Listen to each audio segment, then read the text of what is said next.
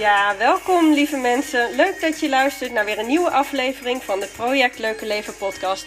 Ik ben Maya en ik ga het hier vooral hebben over de weg naar een leuker leven. Een gelukkige mama zijn, zelfontwikkeling en het veranderen van je mindset. Ik hoop dat je er wat aan hebt.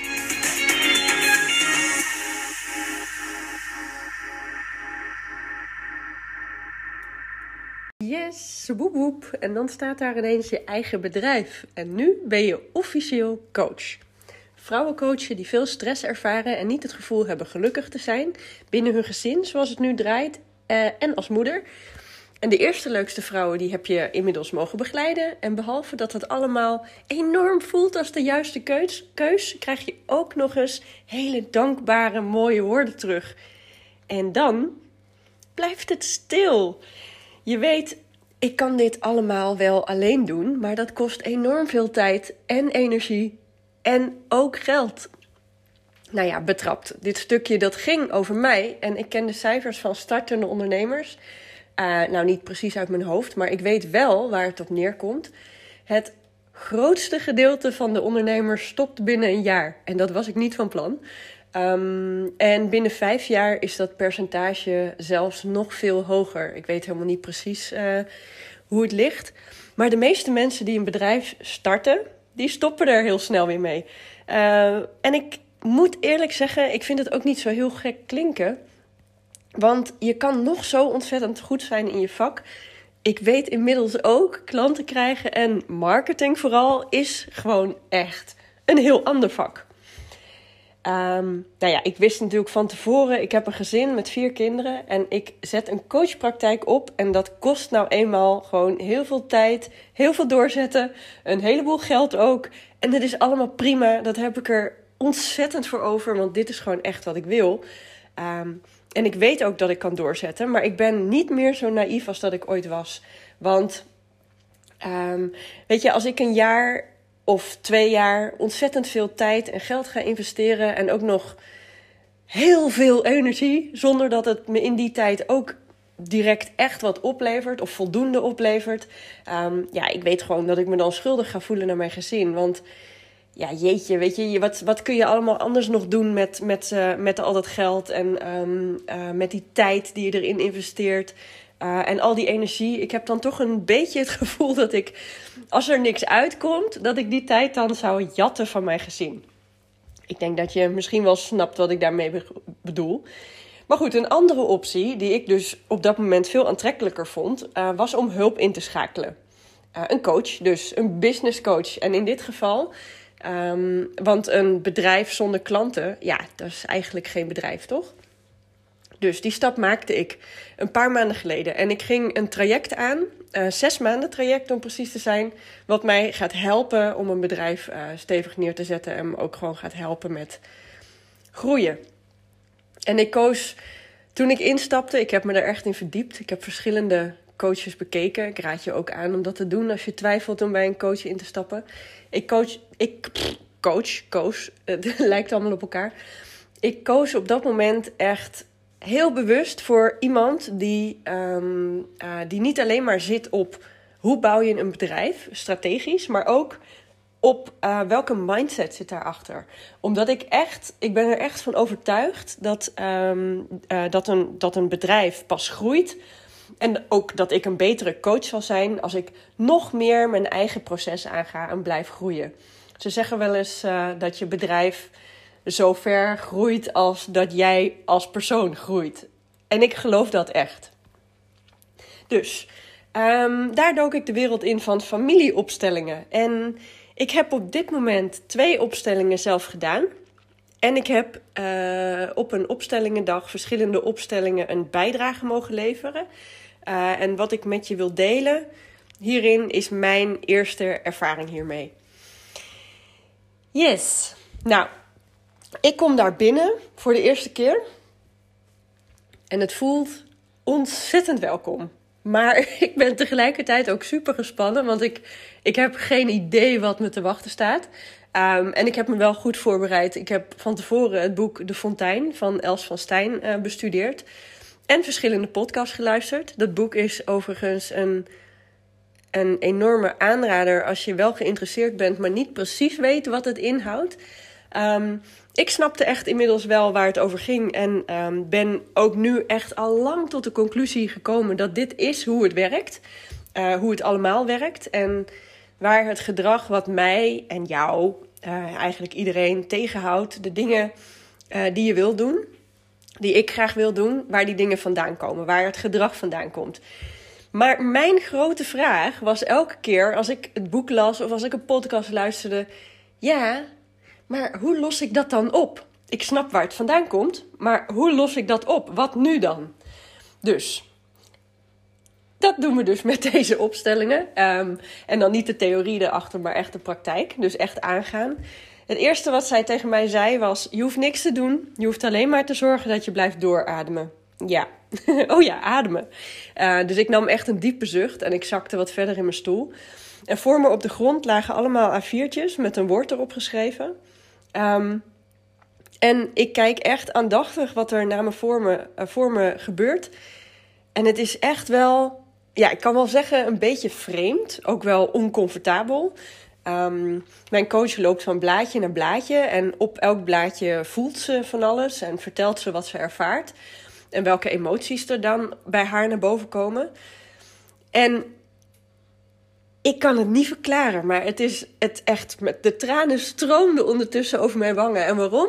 Het is zo raak. Het is zo ontzettend raak wat zij aan emoties daar um, uh, naar boven laat komen. Um, nou goed, dat was mijn uitnodiging. Ik mag zelf plaatsnemen op een van die woorden. En mijn coach neemt dan plaats op, op de andere. En het is echt best wel heftig. Uh, dus ik word op dat moment echt overvallen door emoties. En waarop zij zegt: Ja, laat maar komen. We zijn hier niet om emoties tegen te houden of weg te stoppen. Uh, nou ja, dat is natuurlijk een hele mooie les, uh, überhaupt al. Want emoties uh, willen gewoon graag gezien en gehoord worden. Ik kan echt nog altijd, nu achteraf, niet verwoorden wat er tijdens zo'n opstelling of sessie, um, maar ook de weken daarna gebeurt. Het is echt super bijzonder om, om een keer te doen. En het is echt toelaten van emoties die zo diep zitten, waarvan, je, waarvan ik eigenlijk niet eens wist dat ze er überhaupt waren. Uh, en dan vervolgens hardop uitspreken om je plek in te nemen, zoals ze dat dan noemen, het lot van de ander bij de ander laten. Um, het zet echt een enorme berg in beweging.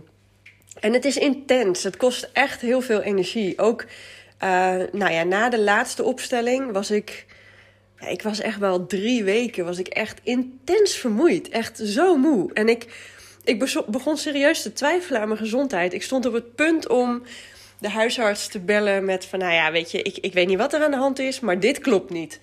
Um, en tegelijkertijd zaten mijn emoties, die zaten heel erg hoog. Ik had al, al die tijd, had ik de hele tijd het gevoel van... er moet heel veel uit, maar het komt niet. Um, ja, heel erg emoties aan de oppervlakte. Snel geprikkeld, geïrriteerd. Um, en mijn coach zei, ja, ja de, eerste, de eerste opstellingen die kunnen echt heel veel losmaken. Er zit veel in je lijf, moet allemaal uit. Uh, het zet gewoon heel veel in beweging. Nou ja, toen kwam er natuurlijk een moment... Um, er gebeurde echt iets heel onbenulligs. Verder niet op ingaan, het is echt heel onbenullig. Maar dat was blijkbaar wel de trigger die ik nodig had om mijn emoties te kunnen laten stromen. En dat heb ik gedaan. Elin die lag op dat moment te slapen. De kinderen waren op school. Uh, ik was echt even heel erg overstuur. En ik wist al heel snel van ja, dit, dit wat er gebeurt nu, dat is, dat, dat is er niet aan de hand. Um, en ik, ik heb er gewoon even helemaal aan toegegeven. Ik ben niet gaan proberen uh, mijn telefoon uh, weg te duiken en eindeloos te gaan scrollen. Ik ben me niet gaan overeten. Ik ben gewoon gaan zitten. Maar wat voel ik? Laat maar komen. Uh, de tranen laten stromen. Veel pijn. maar daarna echt alsof er letterlijk wat van mijn schouders was gevallen. Iets. Um, er is iets veranderd in mij. En dat voel ik oprecht. Ik voel heel, heel diep dat er iets veranderd is in mij. Maar ik kan er geen woorden aan geven. En ik mag ook stoppen met proberen dat te verwoorden. Want um, ja, stoppen met snappen wat er nou eigenlijk precies allemaal gebeurt. Het is allemaal onbewust. En het enige wat ik kan zeggen is dat iets voelt echt als een enorme grote stap. En ik heb echt, ik heb in totaal zes maanden traject. Ik ben nu, nou, twee maanden verder. Dus ik kijk oprecht heel erg uit naar alle volgende sessies. Uh, ook al weet ik inmiddels dat het pijnlijk is, dat het confronterend is. Maar um, toch, toch heb ik er zin in. Gek genoeg. Um, dus de vraag, hoe los ik dat dan op? Voor mij is het antwoord echt op dit moment, ga het aan. Zet een stap buiten wat voor mij dan veilig, of voor jou, wat veilig en comfortabel voelt. Uh, stap, zet een stap in de richting waar je, waar je naartoe wilt. Ook al doet dat pijn, ook al voel je weerstand, ga er doorheen. Uh, en doe dat dan met iemand die je vertrouwt. Dat heb ik gedaan. Ik heb iemand gekozen waar ik me gewoon veilig bij voel, waar ik me oprecht, of die ik oprecht vertrouw en die zelf al het hele proces heeft doorlopen waar ik dus tegenaan loop. Het, ik, ik, um, ik ben me ervan bewust dat het een beetje vaag klinkt allemaal. Het is ook een beetje vaag. Zoals ik al zeg, ik kan er geen woorden aan geven. Maar het is wel echt ontzettend waardevol. Heel bijzonder.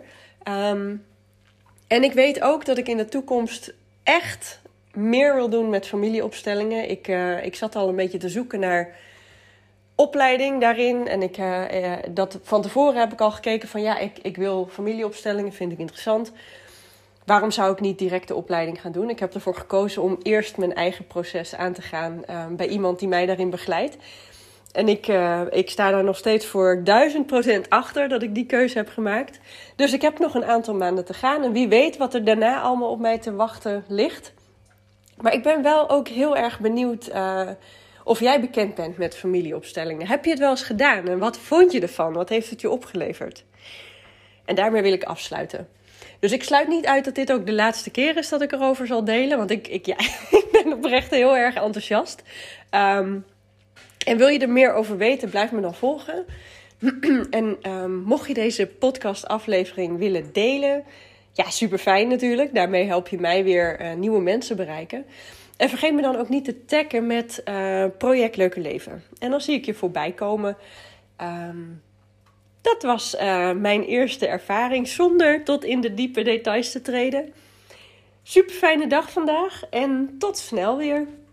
Doei! En we zijn alweer aangekomen bij het eind. Ik hoop dat je er wat aan hebt gehad of dat je er wat in herkent.